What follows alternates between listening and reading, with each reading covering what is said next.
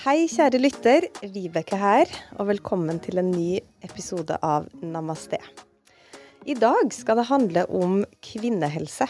Kvinnehelse er mer og mer i nyhetsbildet om dagen, og enda godt er det. For det er rett og slett på tide at kvinnehelse blir tatt på alvor. I dag skal vi snakke om et tema som jeg personlig må innrømme at jeg har prøvd å ignorere litt. Eh, rett og slett eh, har tenkt at jeg ikke har lyst til å forholde meg til, eh, nemlig overgangsalder og hormonelle forstyrrelser. Men i en alder av 47 år, og med mer og mer fokus på temaet, så har jeg kommet til den konklusjonen om at det her er noe jeg har lyst til å lære mer om. Få mer kunnskap om, rett og slett for å få vite hvordan jeg kan møte og omfavne det som er i vente, på en bedre måte og kanskje spesielt da i forhold til min yogapraksis. Derfor har jeg invitert eh, to damer i studio hos meg. Anita Hegge hun er entreprenør innenfor kvinnehelse, yogaterapeut og mindfulness-lærer. Katinka Devor er jordmor, akupunktør og yogalærer. Velkommen i studio, begge to. Tusen takk. Takk.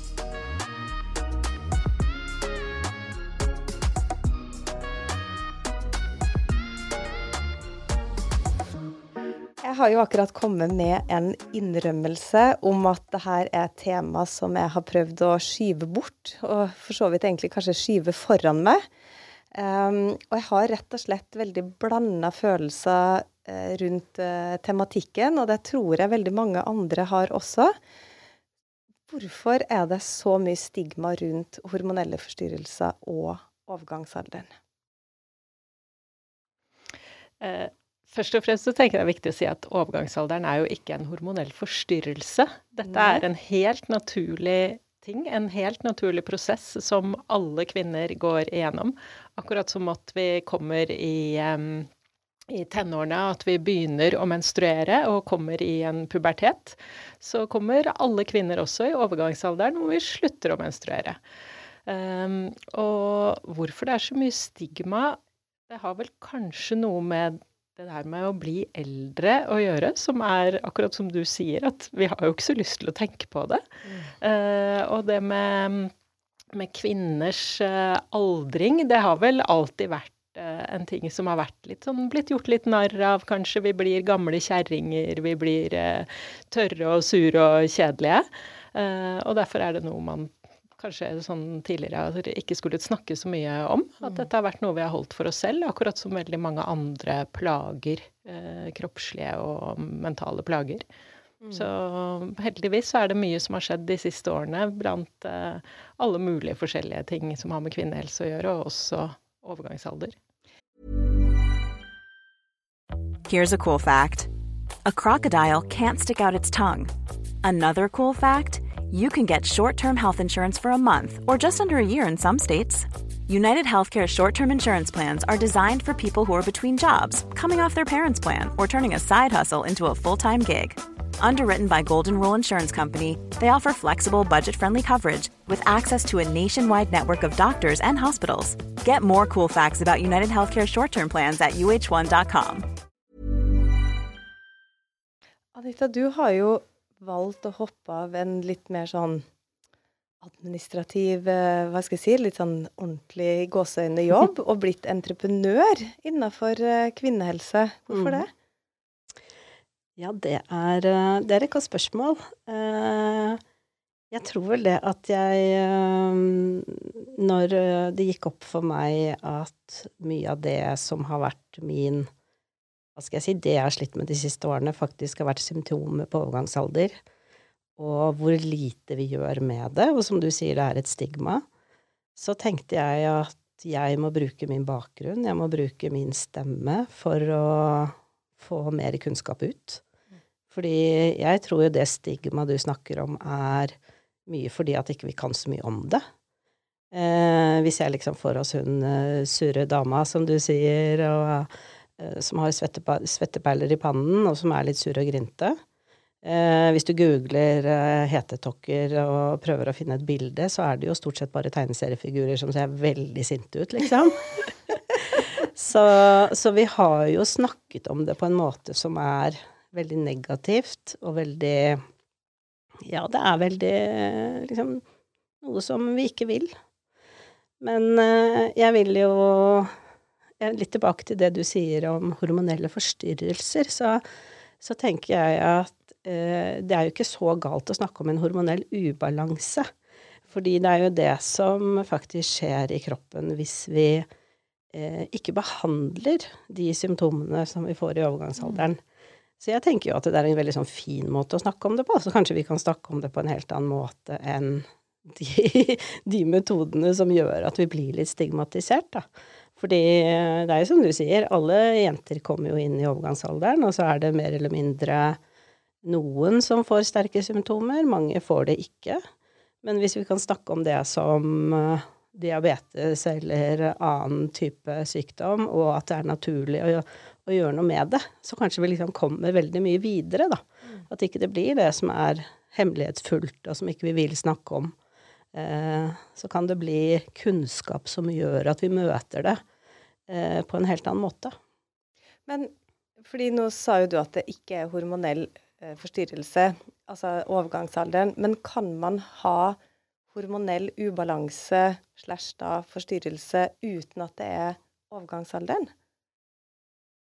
Skjønner du hva jeg mener? ikke, ikke, helt. Nei, men, men altså eh, Bare min egen erfaring for oh, ja, kanskje fem år siden, så hadde jeg veldig stor forandring i min menstruasjon og opplevelsen av PMS. Og, og så gikk jeg til gynekolog. Eh, og jeg var jo sånn Gud, nå har jeg kommet i overgangsalderen. Og da var jeg jo egentlig bare i starten av 40-åra, så jeg fikk jo helt panikk. Og så fikk jeg jo da avkrefta at jeg var ikke i overgangsalderen ennå. Um, men så har jeg liksom tenkt Var det en hormonell ubalanse? Og kan man da liksom oppleve det i tidligere alder? Uh, eller er det det man kaller da før klimatoriet, mm. altså klimatoriet som et annet ord for overgangsalder, er det da at man er liksom i Ja, at starten på det, eller? Det, det kan jo være begge deler. Jeg tenker det er sikkert mange kvinner som går rundt og har en forstyrrelse eller en ubalanse. Eh, og så er det jo også faktisk sånn at en del kvinner begynner å få um, Uh, altså den herre perimenopausen, da, eller førklimakteriet, som du sier. Det er jo flere ord på samme, samme, ting. Og det kan vare i veldig mange år, og kan starte allerede i begynnelsen av 40-årene hos mange. Mm. Så, så, man kan merke plager allerede fra 40-årsalderen. Og det er det nok mange som ikke er så klar over. Man tror at dette her plutselig skal komme sånn i midten av 50-årene. Eh, men, men perimenopausen, altså alle disse årene frem til den siste menstruasjonen, er det mange som kjenner på, på denne ubalansen, da. Men um, hva er det egentlig som skjer i kroppen eh, før og under overgangsalderen? Jeg tenker jo at dette er, Hvis vi skal inn på det tekniske, så er det vel et uh, spørsmål uh, til deg. Men, uh, men bare for å plukke opp det du sa om når vi begynner å menstruere, så er det jo på en måte den tiden hvor vi skal Eller kroppen forbereder seg på å ikke menstruere lenger. Og det er da den liksom bruker hormonene på en annen måte, og som gjør at vi får symptomer som hetetokker. det er en veldig sånn teknisk forklaring på hvorfor østrogenet påvirker hjernen vår til å få hetetokker, men, men at vi, vi, kjenner på kroppen at det er noe som skjer. Det kan være hetetokker, det kan være at du ikke sover så godt om natten, at du svetter om natten, at du glefser litt etter både mann og barn, at du, at du blir, uh, blir, litt nedstemt. Uh, det, er, det, er, liksom kanskje noe av de første tingene man kan merke det på, da. Sånn hvis vi skal være litt praktiske. Mm. Uh, og det er jo litt sånn subtile ting som kan komme litt snikende. Sånn for, for de fleste så er ikke dermed sagt at man tenker at nå er jeg overgangsalderen. Og så som du sier, Vibeke, at du er litt sånn Du tenkte oi, jeg gikk til gynekologen min, og så tenkte jeg hva er nå dette her? Og så lurer du på er det en begynnelse, eller er det ikke? Eh, og sånn er det nok mange som har det.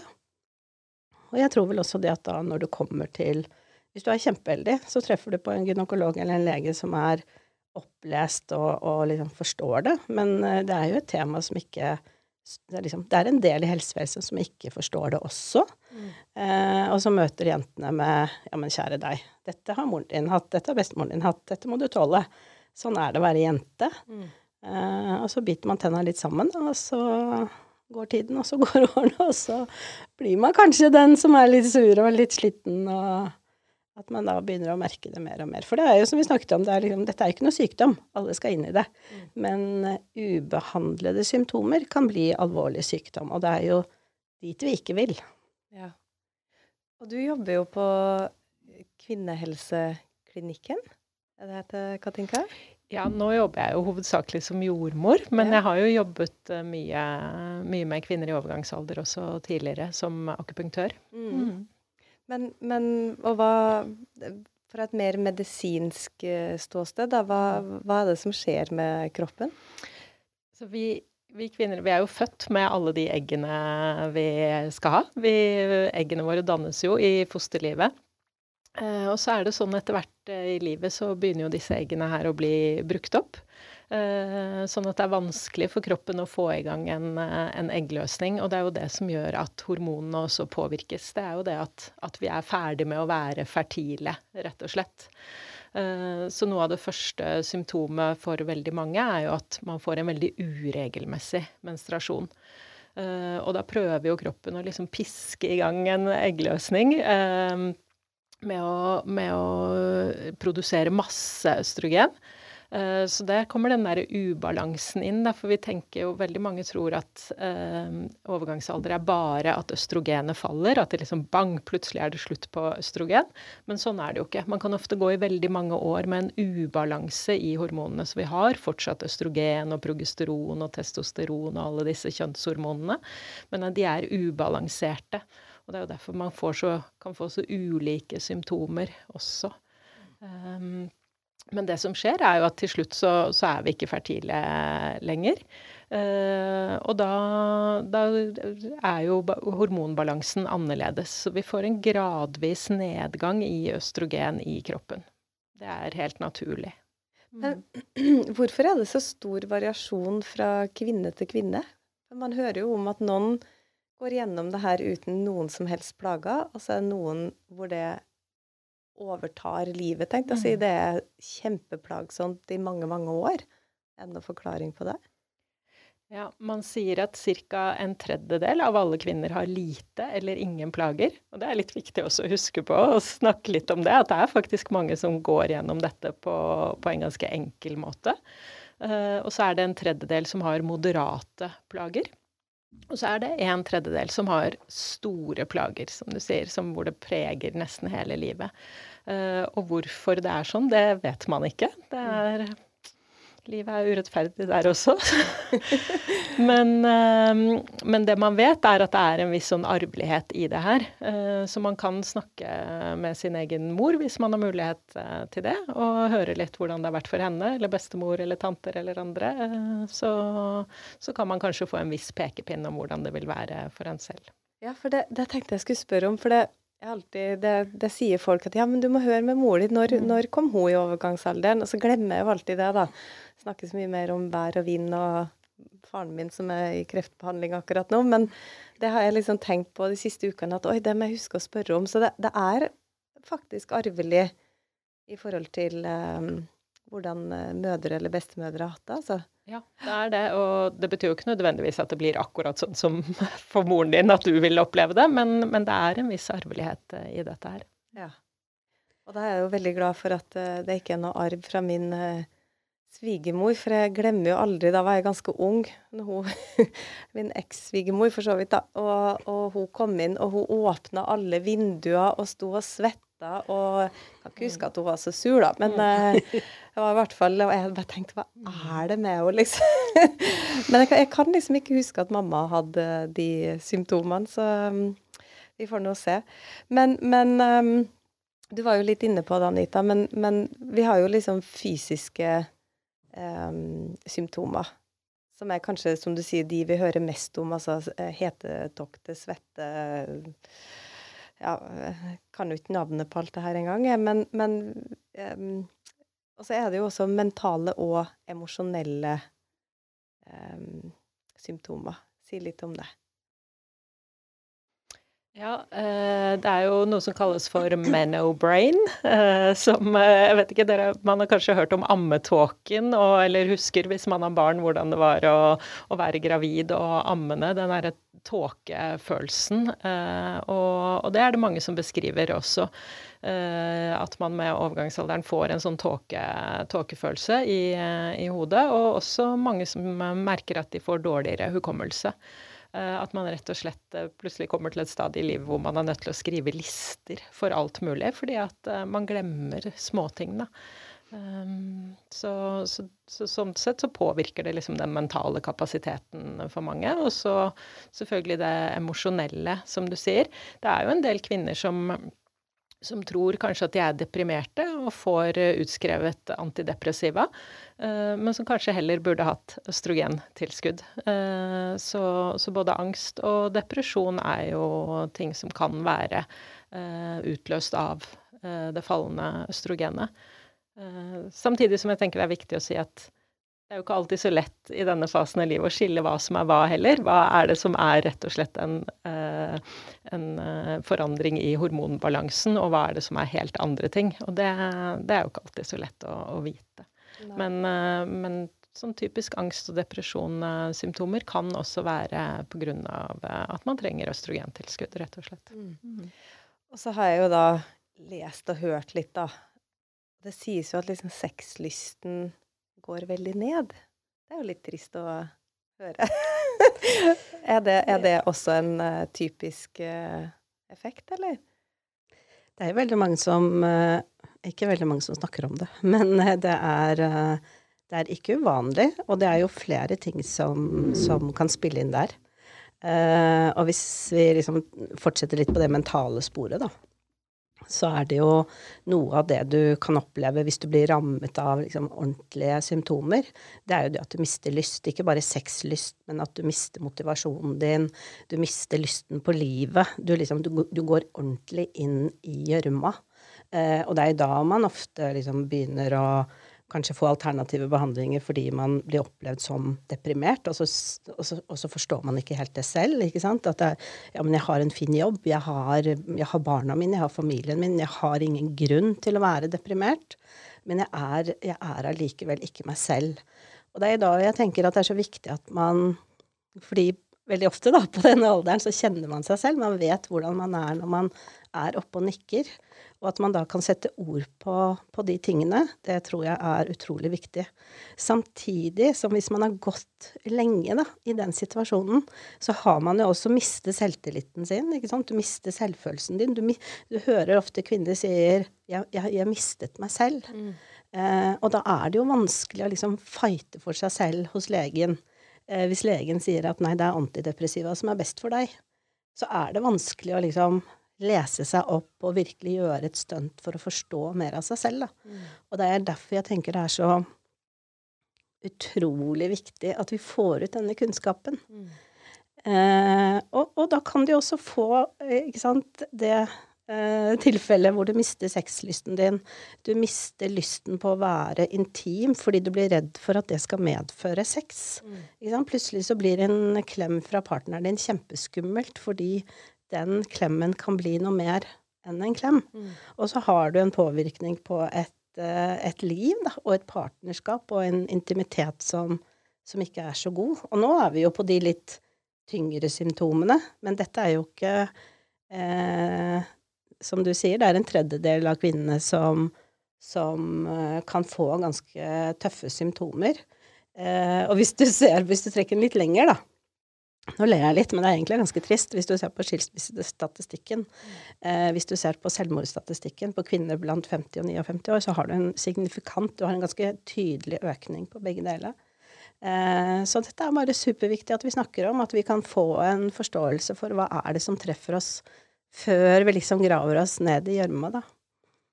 Eh, og jeg tenker jo på også dette med liksom brain fog, hjernetåke. Det gjør jo også at du i hvert fall traff det meg sånn at jeg hadde eh, større problemer med å prioritere.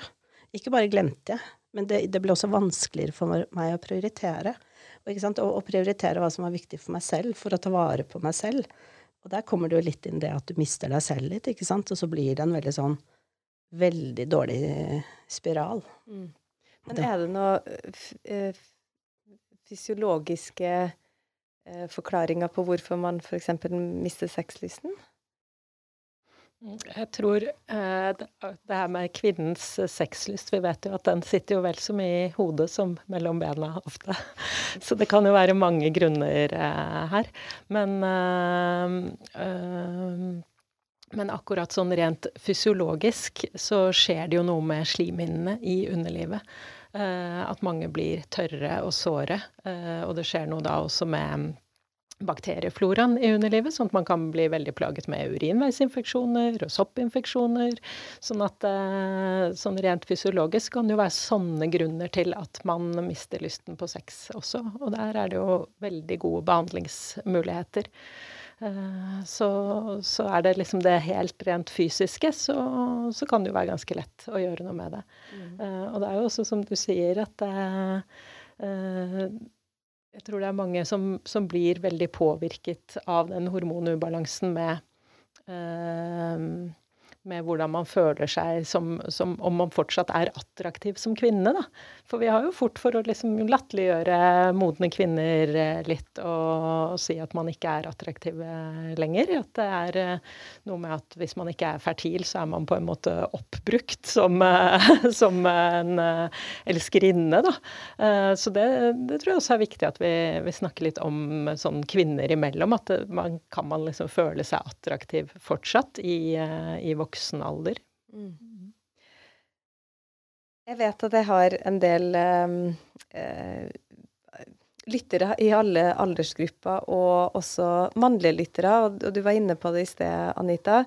Eh, og så når jeg valgte å liksom invitere dere og ha det her som tema, så var jeg jo litt redd for å ekskludere noen av de som faktisk hører på òg, i forhold til temaet. Men hvorfor er det så viktig eh, å ha en åpenhet om det her, og få ut eh, tema for både yngre og for menn. eh, en ting som er ganske morsomt, er um, Rod Stewart, som i hvert fall de som er litt voksne, vet hvem er. Uh, han har nå blitt en uh, foregangsperson og talsperson for overgangsalder i England. Uh, og han sier blant annet at det er første gangen han har vært gift såpass lenge med en dame som er blitt så voksen at hun har kommet inn i overgangsalderen. At det er derfor han har begynt å forstå det. Men, men eh, det er ganske interessant, fordi det han sier, er Sett deg inn i hva som eh, skjer som mann, fordi da kan du støtte partneren din. Eh, nå kan jo partneren også være en kvinne, selvfølgelig, men om det er en partner, kjæreste Det kan til og med være mammaen din, venninnen din, enn at du, du, forstår hva som skjer, og at dere kan snakke om det, og da gjennom det støtte hverandre. Eh, det, det, tenker jeg er utrolig viktig, fordi du, du, vil jo fortsette å ha den flotte damen som du, som du traff og kanskje gifta deg med eller ble partner med, eh, og at hun skal være sterk og glad. Eh, og det kan du gjøre med å hjelpe henne underveis, eller ikke hjelpe, men støtte i å innhente informasjonen finne løsninger, og at dere snakker sammen om det, og at den klemmen ikke blir skummel lenger. Eh, det er, Og at man kan ha et snev av tålmodighet, selvfølgelig, underveis. Fordi dette er jo Hvis man treffer det hardt, så er det skremmende for den det gjelder også. Eh, og ikke bare skremmende for den som er rundt. Så jeg tenker kunnskap er makt for eh, den det gjelder, for partnere, for, for barn, venninner, for alle. Mm. Vi er jo så flinke til dette her når det gjelder svangerskap og graviditet. ikke sant? Da er vi så opptatt av at partner skal trekkes inn og være med på fødselsforberedende kurs og være med på ammekurs. og uh, Når det kommer til overgangsalderen, så er liksom kvinner litt mer overlatt til seg selv. Dette er noe vi skal ordne opp i på egen hånd. Men, men det er jo kjempeviktig at pårørende og familie og venner rundt også vet noe om det her. Og så er det jo sånn at en del kvinner går jo inn i overgangsalderen samtidig som man har barn som er i puberteten. Så det er liksom hormonelt kaos eh, på to steder kanskje i en familie samtidig, og det kan være krevende. Uh, og da tror jeg det er godt for ungdommene også da, å vite at ok, kanskje det er noe med mamma også som gjør at hun har litt kortere lunte, eller at hun er litt lei seg, og, og at det ikke blir så skummelt og farlig som du sier, når man har kunnskap. Så jeg tror det er viktig at kunnskap både kommer ut til både kvinner og menn, og, og barn og unge også. Så da håper vi at de mannlige lytterne ikke har falt av uh, før vi kom hit, da. At de uh, tenker at det kan være litt nyttig for de også. jeg, kan, jeg, kan, fortelle noe morsomt, fordi uh, sist uke la jeg ut en artikkel, eller en post, på LinkedIn, hvor jeg da lenket til en partnerguide som jeg har lagt på websidene mine. Likes på LinkedIn-posten var veldig beskjeden, men de som har vært inne og lest den partnerguiden på weben, var veldig, veldig, veldig mange ganger flere. Da snakker vi liksom 100 ganger flere. Eh, og det tror jeg sier litt om at eh, interessen er der. Vi må, bare, vi må, bare, tørre å snakke om det på en måte som ikke er den krøllspennende dama med sinte, sinna, sinnarynker i pannen. Mm. Sånn, litt sånn eh, konkret tips, da. Hvordan kan man som mann, eller som datter eller venninne, som vi sier, hvordan kan vi møte oss eller disse damene som går gjennom det her, på en god måte? Har dere en liksom, tips til det? Jeg tenker jo les deg opp på, på hva det er. Les deg opp på symptomene. Eh, og still de litt eh, gode, trygge spørsmålene i trygge rammer. Ikke når, ikke når liksom situasjonen med aggresjon og sinne er der, men eh, Eh, og når du har fått lagt et godt klima, så går det an å spørre mamma hva, hva trenger du av meg i dag for at du skal ha en god dag? Hvis du, hvis du ser at mamma sliter, eh, eller hvis du ser at partneren din sliter, hva kan jeg gjøre for deg i dag? Hva, hva, trenger du av meg i dag for at du skal få en bedre dag? Mm. Et så enkelt og så vanskelig spørsmål, så så tror jeg en dag kan bli snudd ganske betydelig fra, fra starten av, forhåpentligvis. Men det er jo ganske åpenlyst, altså Vi snakker jo nå mye om eh, kanskje den der ene tredjedelen av de som eh, Hvor det her rammer hardest, da. Og, og, som vi sier, vi har jo en annen tredjedel som kanskje er mer moderat. Men det er jo veldig mange som, som eh, eh, opplever at denne fasen er ganske krevende og utfordrende. Og det er jo på et tidspunkt i livet hvor vi egentlig er på topp. Altså, veldig mange av oss har barn som begynner å bli litt større. Vi har eh, kanskje fått drømmejobben. Vi er liksom operative og aktive i arbeidslivet. Og, og, det er jo mye diskusjon om det, jeg har fått med meg det, at liksom, er det litt opp til en arbeidsgiver å tilpasse seg kvinner i overgangsalderen? Ja, dette er jo et tema jeg brenner, brenner for. Eh, og jeg har jobbet som leder i næringslivet i veldig, veldig mange år. Eh, og de siste årene så har jeg også jobbet med symptomer selv, uten at jeg har snakket om det på, på arbeidsplassen. Eh, og bare som en sånn apropos, der var gjennomsnittsalderen 26 år, så det var ikke, det var ikke et stort tema, naturlig nok. Men, men jeg tenker at eh, tilpasse er kanskje liksom å trekke det litt langt. Men jeg tror vi må vi må ha en kunnskapsøkning også blant arbeidsgivere. Eh, jeg eh, tenker at arbeidsgivere må inkludere dette inn i sine HR-planer, eller i sin, i sin, eh, plan for hvordan man liksom har medarbeiderstrategier. Og ikke minst også trene opp ledere til å ha disse samtalene med jenter som man kanskje ser av symptomer. Kanskje ikke jentene ser det selv, men at man kan lage et Eh, et miljø hvor det er trygt å snakke om det. Hvor ikke det er farlig å snakke om det. Mm. Eh, hvor, ikke, hvor, ikke, det er uh, superflaut å få den hetetokken når du står og presenterer. For det er ganske flaut. Mm. Eh, og det kan du få om du har middelsymptomer eller, eller, sterke symptomer. Eh, og da er det jo ting som skjer i kroppen, at du liksom Selvtilliten din faller, konsentrasjonen blir borte. Og da hadde det vært utrolig godt hvis det var noen som støttet deg med noen små praktiske ting fordi de visste at dette kan hjelpe deg, i stedet for at man prøver å vitse det bort. Mm. For det, det er ikke gøy. Uansett hvor god vitsen er, så er det ikke gøy. Så, så, jeg tenker at her har vi enormt å gjøre på de store Eller på alle arbeidsplasser. Og så er det jo forskjellig på hvordan man skal tilrettelegge og tilpasse, avhengig av hvordan på en måte arbeidet er, da. Mm. Har du noen tanker om det, Katinka? Jeg er veldig, veldig enig med deg. Og, og, bare det å få kunnskapen ut tror jeg vil hjelpe mange kvinner veldig mye. Bare det at, at det snakkes om det. Uh, og, og, det er jo dessverre sånn at uh, Nå husker jeg ikke noe tall og sånn på dette her, men det er jo veldig mange kvinner som faktisk slutter i jobben sin fordi de føler at de ikke mestrer arbeidslivet lenger pga. plager. Mm. Uh, og, og, det er jo som du sa, at kanskje er man egentlig på høyden i karrieren og har utrolig mye mm. å gi når man er uh, rundt 50.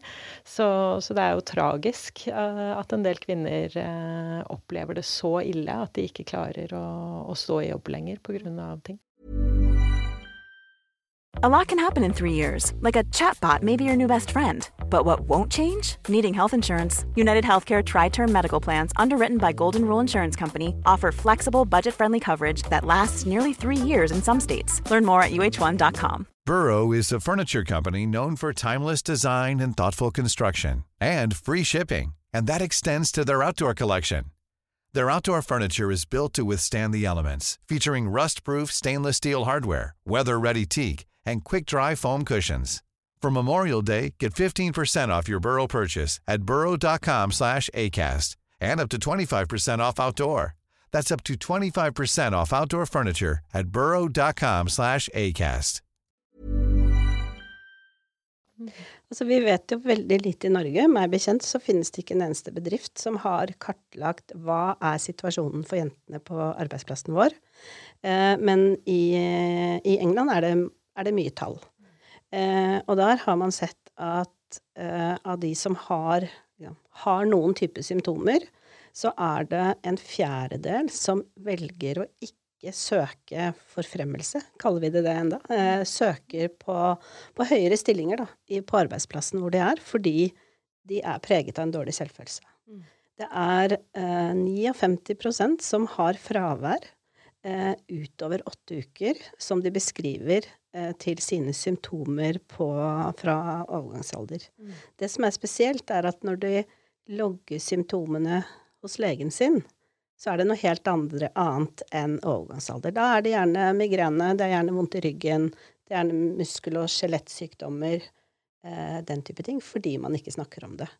Så, så jeg har utfordret eh, bedrifter til å liksom Jeg kommer gjerne inn og gjør en kartlegging, fordi vi trenger å vite mer for å kunne gjøre, som du sier, tilrettelegge, få en økt kunnskap om dette her, fordi det er også nærings, uh, viktig for næringslivet. Mm. Ikke sant? Vi mangler jenter i styrer, vi mangler jenter i, i lederstillinger. Uh, og så er ikke dette den eneste nøkkelen, men jeg tror det er én av mange nøkler. At vi kan tilrettelegge og få, få forstå mer av dette, da. Mm. Mm. Ja, så er det jo Altså, jo eldre vi blir, og vi har vært lenge i arbeidslivet, så har vi jo så mye god kompetanse og erfaring mm. som vi kan på en måte gi videre. Så det er jo veldig synd hvis kvinner slutter å jobbe og har mulighet til å gi det her videre pga. den fasen, tenker jeg. Fordi det er jo ikke så mange som da kommer tilbake igjen og skal søke jobb som 55-åring, for da er liksom overgangsalderen over, og man er i en annen fase. Mm. Så det er jo, det er jo høres jo ut som at det er veldig viktig at uh, arbeidsgiver, altså næringslivet, tar tak i det og får et økt fokus på det.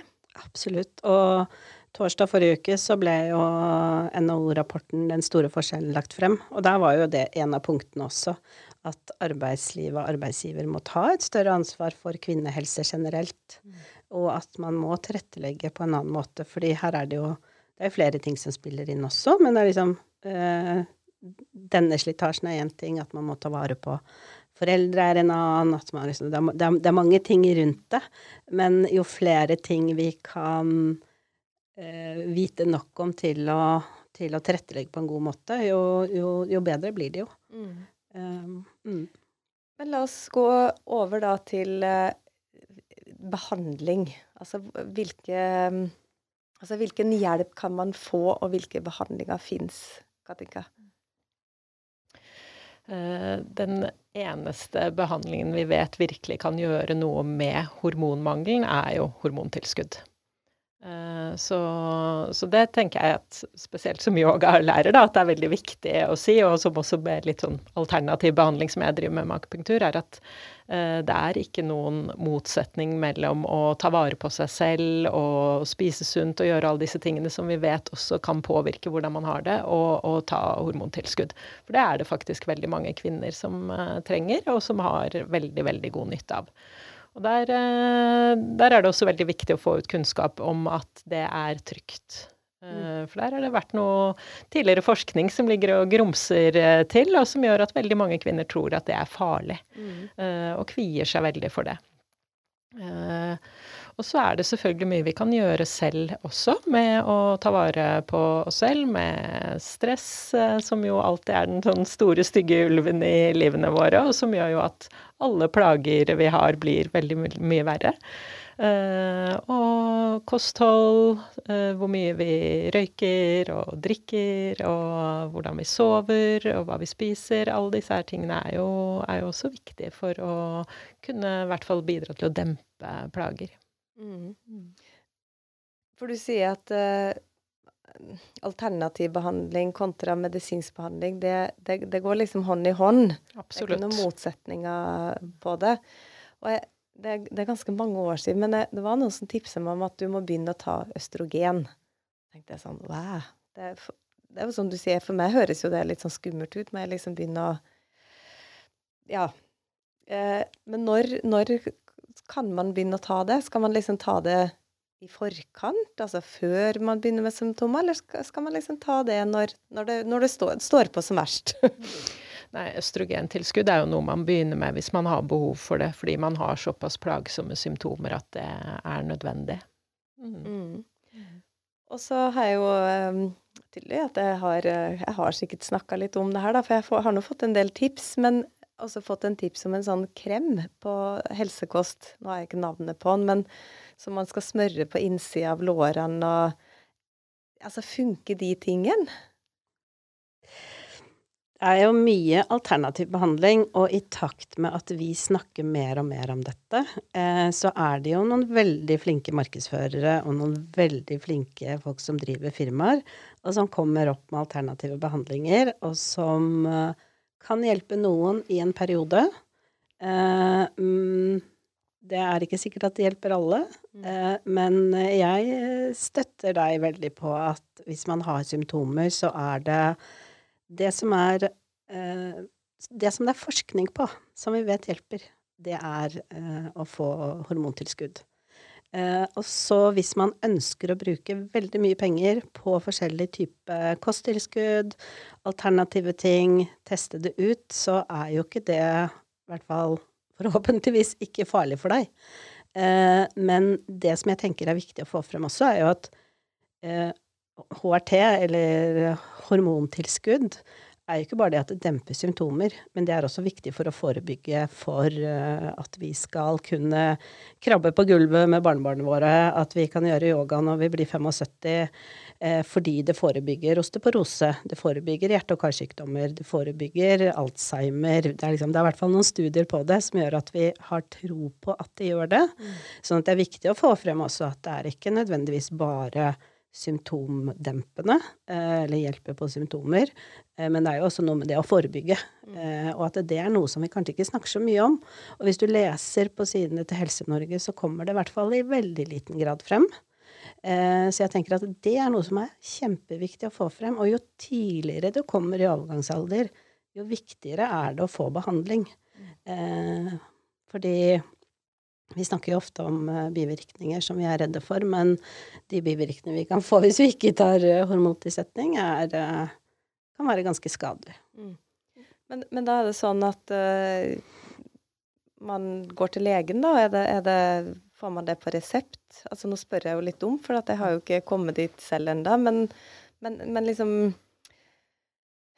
Hvordan er, er liksom leger åpne for å gi det lett? Tror det varierer veldig mye. Jeg tror det er viktig å finne en uh, lege som er litt interessert i dette temaet. For uh, i hvert fall allmennpraktikere skal kunne mye om mange ting. Mm. Så det å finne seg en lege eller gynekolog som, uh, som, er litt opptatt av dette, og som er oppdatert Eh, for det vi, vi, vet, er jo at det er en del kvinner som begynner å få plager tidlig, altså i denne perimenopausen som vi nevnte i sted. Og eh, de går til legen, tar en blodprøve, og så sier legen nei, men du har fine østrogennivåer, du, du skal nok ikke ha noe østrogentilskudd. Men, eh, men det som er saken, er jo at i denne perimenopausen så varierer østrogennivået veldig fra gjennom måneden. Det er jo det som er syklusen vår, eh, og det skal det gjøre. Så, så det kommer helt an på når man tar denne blodprøven. Man kan ha noen helt normale nivåer eh, på et tidspunkt, og så hvis man tar prøven et par uker etterpå, så har man kanskje veldig lave nivåer. Så, så behandling med hormontilskudd skal skje ut ifra Eh, en kvinnes eh, symptomer, ikke ut fra et enkelt blodprøvesvar. Mm. Så, så, hvis man har mye plager, men, men, ikke får hjelp hos legen sin, så vil jeg nok si at det kanskje er lurt å finne en annen lege. Ja. Så, så du går så langt ja, jeg syns, liksom... det, syns det, er veldig viktig å si det. At, at, man skal ikke bare la seg avspise med at du er for ung fordi du er 45 år, f.eks. Det er mange kvinner som, har, som kan ha store plager, f.eks. med hetetokter eller, eh, eller nedstemthet. Man, også symptomer som som mange ikke vet at kan være østrogenmangel, som er f.eks. leddsmerter. Uh, som, som ikke, altså disse hetetoktene har jo alle hørt om, det er jo det vi forbinder med overgangsalder, men det kan være andre ting også. Mm. Anita, du har jo en, skal, kan jeg si, en litt sånn spesiell erfaring um, rundt altså, hormonell ubalanse, fordi at mm. du opplevde jo at det starta i forbindelse med brystkreft. Mm. Det stemmer. Når, uh, under behandlingen av uh, brystkreften, uh, når du får um, så ble i hvert fall jeg katapultet inn i en overgangsalder. Og det er det jo ikke uvanlig hva man har får kreftbehandling for brystkreft, eller når man fjerner livmoren, når man har hatt livmorhalskreft. Liksom. Det er en del ting som, hvor du blir på en måte kastet inn i Jeg vet ikke om man kaller det en kjemisk overgangsalder, eller i hvert fall man blir kastet inn i det veldig, veldig fort og veldig tydelig. Eh, liksom fra den ene dagen til den andre.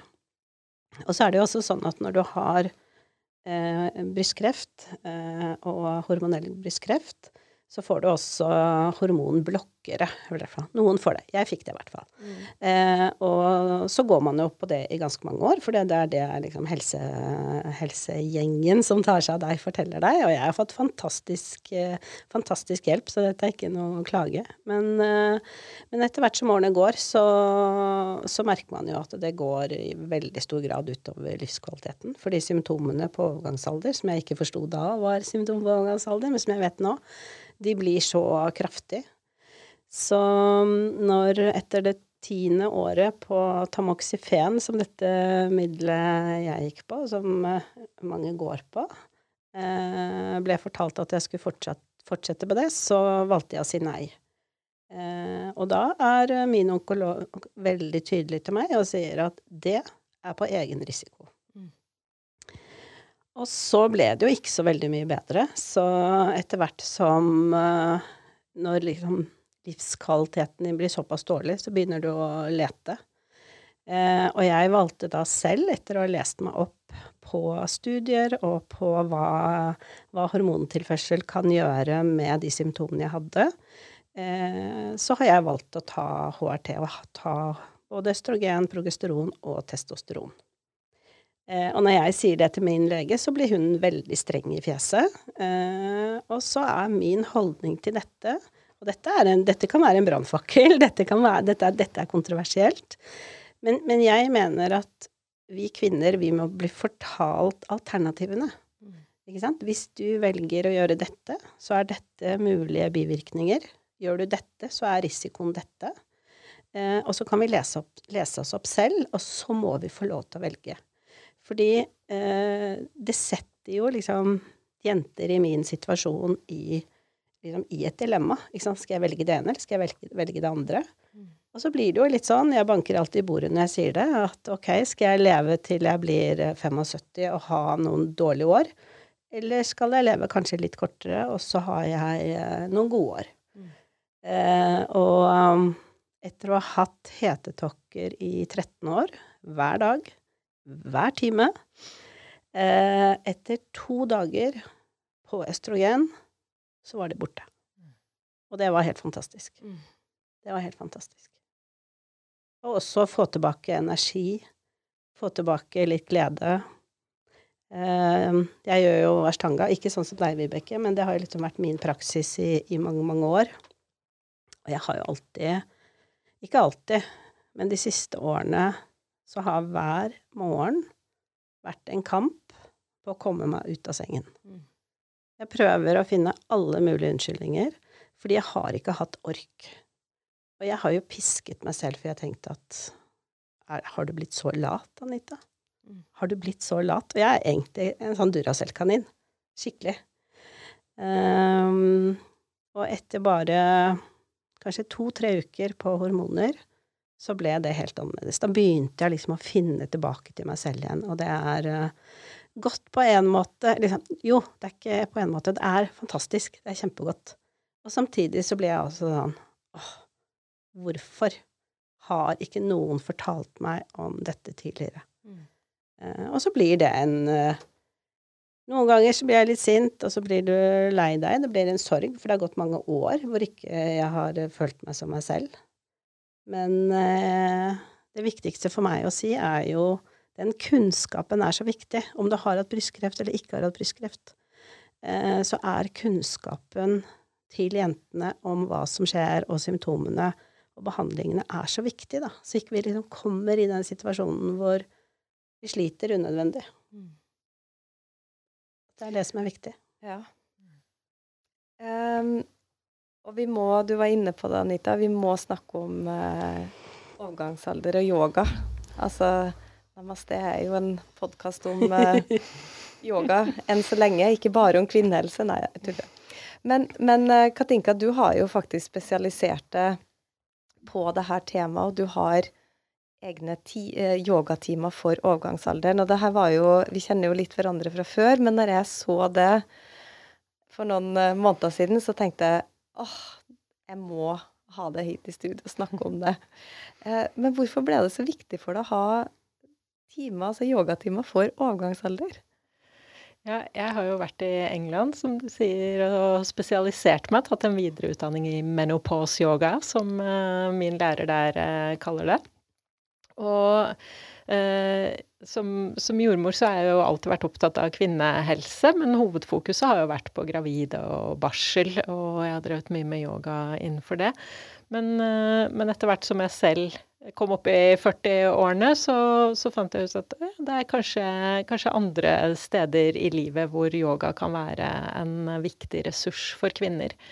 Og, og det jeg ser, ser, veldig på disse workshopsene jeg har uh, hatt for, uh, for, kvinner om, uh, om overgangsalder, er jo Én ting er jo den fysiske praksisen vi gjør, med øvelser som er, som er bra for oss, men, men også det å samles Eh, i en kvinnesirkel eh, i denne fasen av livet. Da.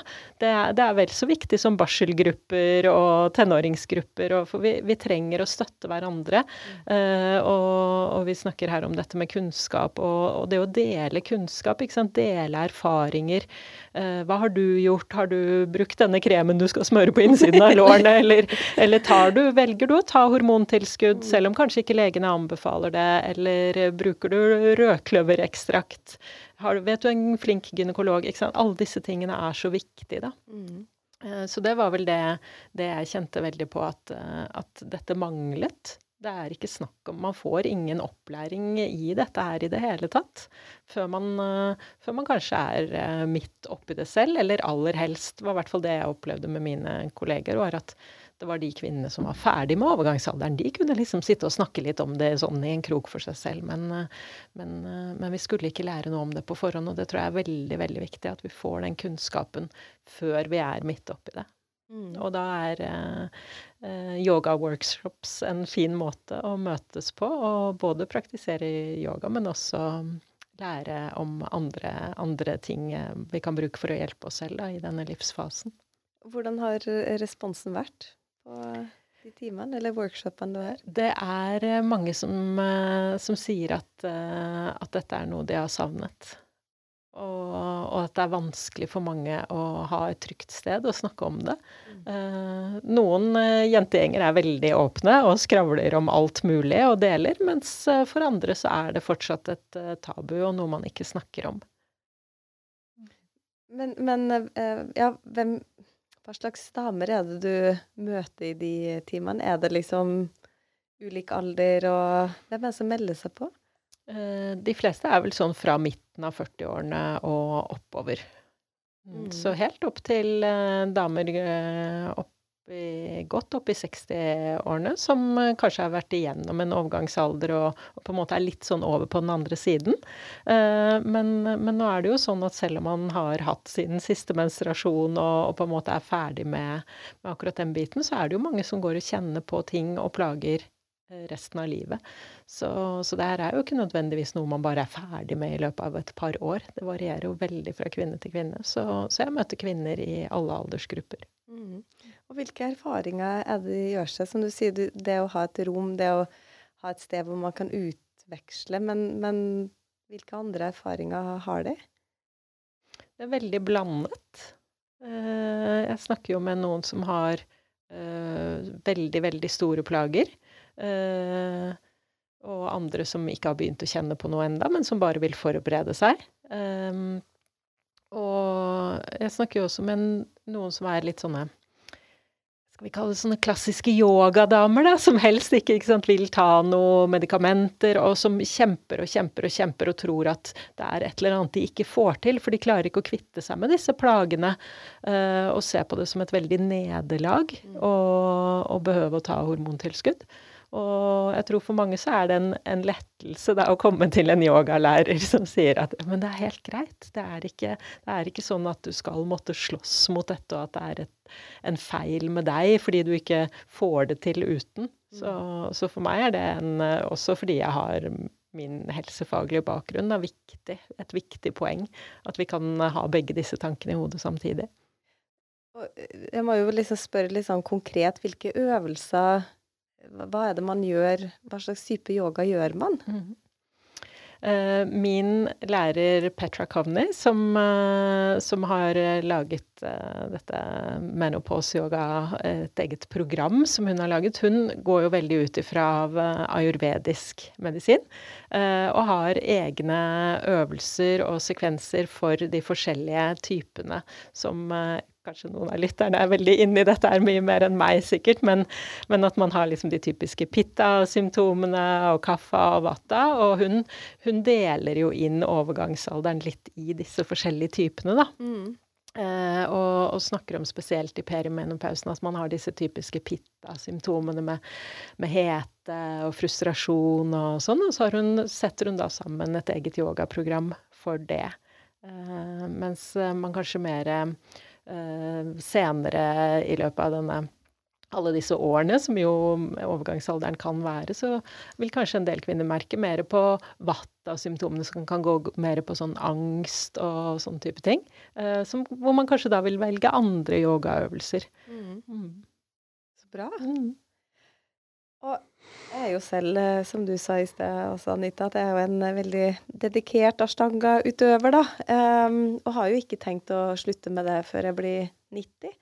Um, men så har jeg jo hørt at um, nettopp fordi at ashtanga-yoga er en såpass fysisk form for yoga, og man kreerer så mye eh, varme, altså hete i kroppen når man gjør ashtanga, og at det da ikke er bra i denne fasen. Og det, da kjente jeg jo at eh, det er kanskje litt derfor jeg ikke ville gått inn i det. For det ville jeg jo ikke høre, for det er jo ikke aktuelt for meg å skulle endre på det, liksom. Men, men eh, stemmer det? Jeg tenker jo at du kan fortsette å gjøre ashtanga til du blir 150, Vibeke. Um, men eh, det som Jeg tenker at vi må tilnærme oss dette litt som vi gjør også med gravideyoga er du vant til å gjøre ashtanga-yoga, så gjør du ashtanga-yoga så lenge du orker. Eh, og det samme gjør du når du blir voksen. Eh, det som kan være bra å være oppmerksom på, eh, det er jo at vi, vi, trenger jo mye styrketrening når vi blir over 40. Ikke sant? Og så, i så måte så er jo ashtanga helt fantastisk. Eh, selv om vi trenger styrketrening utover vår egen kroppsvekt også. Eh, men der hvor kanskje motstanden kommer litt inn, er jo at hvis du blir eh, stresset, at du, du, på en måte aktiverer stresspåslaget ditt i veldig stor grad når du gjør ashtanga. Hvis du har en veldig hvis du har en praksis hvor du ikke helt klarer å komme inn i modus og slappe av, så er kanskje ikke ashtanga det beste for deg. Fordi hormonene våre, eh, når de er litt ubalanserte i overgangsalderen, så gjør jo det at vi, har, vi står i, i kroppen står i stress, og vi får, får lett et stresspåslag som vi Det kan bli for mye. Mm. Og så skal vi da tenke på at vi trenger å restituere mer. Ikke sant? Så det kan godt være det at når du blir 90, at ikke du gjør ashtanga seks dager i uken, men kanskje du gjør det annenhver dag. Fordi du trenger 48 timer på å restituere deg. Mm. Eh, så jeg tenker at her er det helt avhengig av hvor er du på skalaen. Eh, hvis du har sterke symptomer og aldri har gjort yoga før, så er kanskje ikke ashtanga det første jeg vil anbefale. Men er du, er du vant til å gjøre det, så tenker jeg gønn fortsett å gønn på. Og, mm. Men bare kjenn etter. Kjenn etter hva som skjer med deg. Er det, er det noen endringer? Eh, at det er, det er, viktigere å være øh, våken på det, da. Mm. Og det må jeg jo si at jeg, nå har jeg jo holdt på med det her i godt over 20 år, og igjennom veldig mange ulike faser i livet. Altså alt ifra Graviditet, barsel, barseldepresjon fikk jeg jo. Skilsmisse, depresjon Altså i det hele tatt. Jeg har jo brukt yoga som et verktøy gjennom veldig mange faser i livet. Og der det jeg føler at jeg har blitt ganske god på, er jo det her å tilpasse praksisen min ut ifra ikke bare dagsform, men også hvordan livet er. Så når jeg er generelt veldig sliten, eller at det er ting som på en måte tar mye av min energi, så går jeg liksom veldig ned i eh, Altså ikke tempo, men eh, jeg kan gjøre mye mindre, eller jeg kan gjøre mye roligere. Så jeg har jo på en måte blitt litt sånn flink. Og det, det er et litt sånn råd jeg gir videre, egentlig uansett hvilken alder du er. At liksom pass på at du ikke kjører på for hardt til enhver tid. For det ser man jo, spesielt unge jenter som kommer, som jeg møter i, i det rommet, da. Som blir litt sånn revet med det fysiske, og det er kjempegøy, og du mestrer, og du liksom men veldig mange av de blir jo litt sånn slått ut.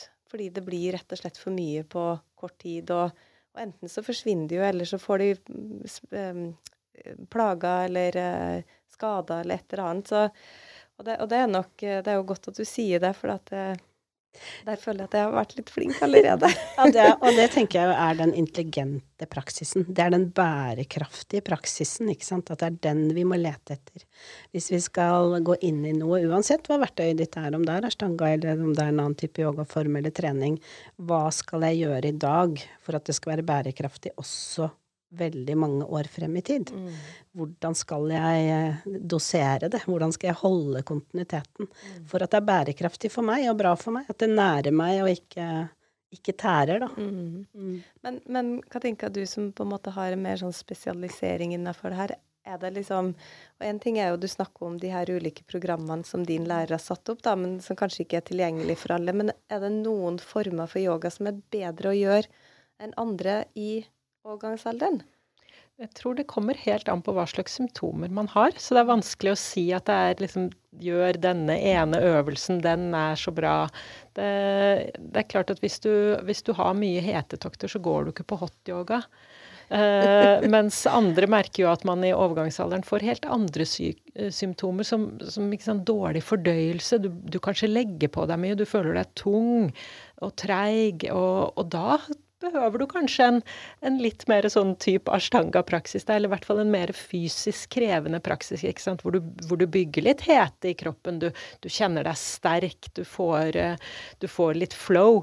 Uh, så, så, det er vanskelig å si liksom at dette er noe som gjelder alle kvinner i overgangsalder, akkurat som med alle andre ting i livet. Mm. Men, men, det jeg tror er, er det viktige poenget, er at at kanskje mange vil oppleve at det man har gjort før, det fungerer ikke helt på samme måte.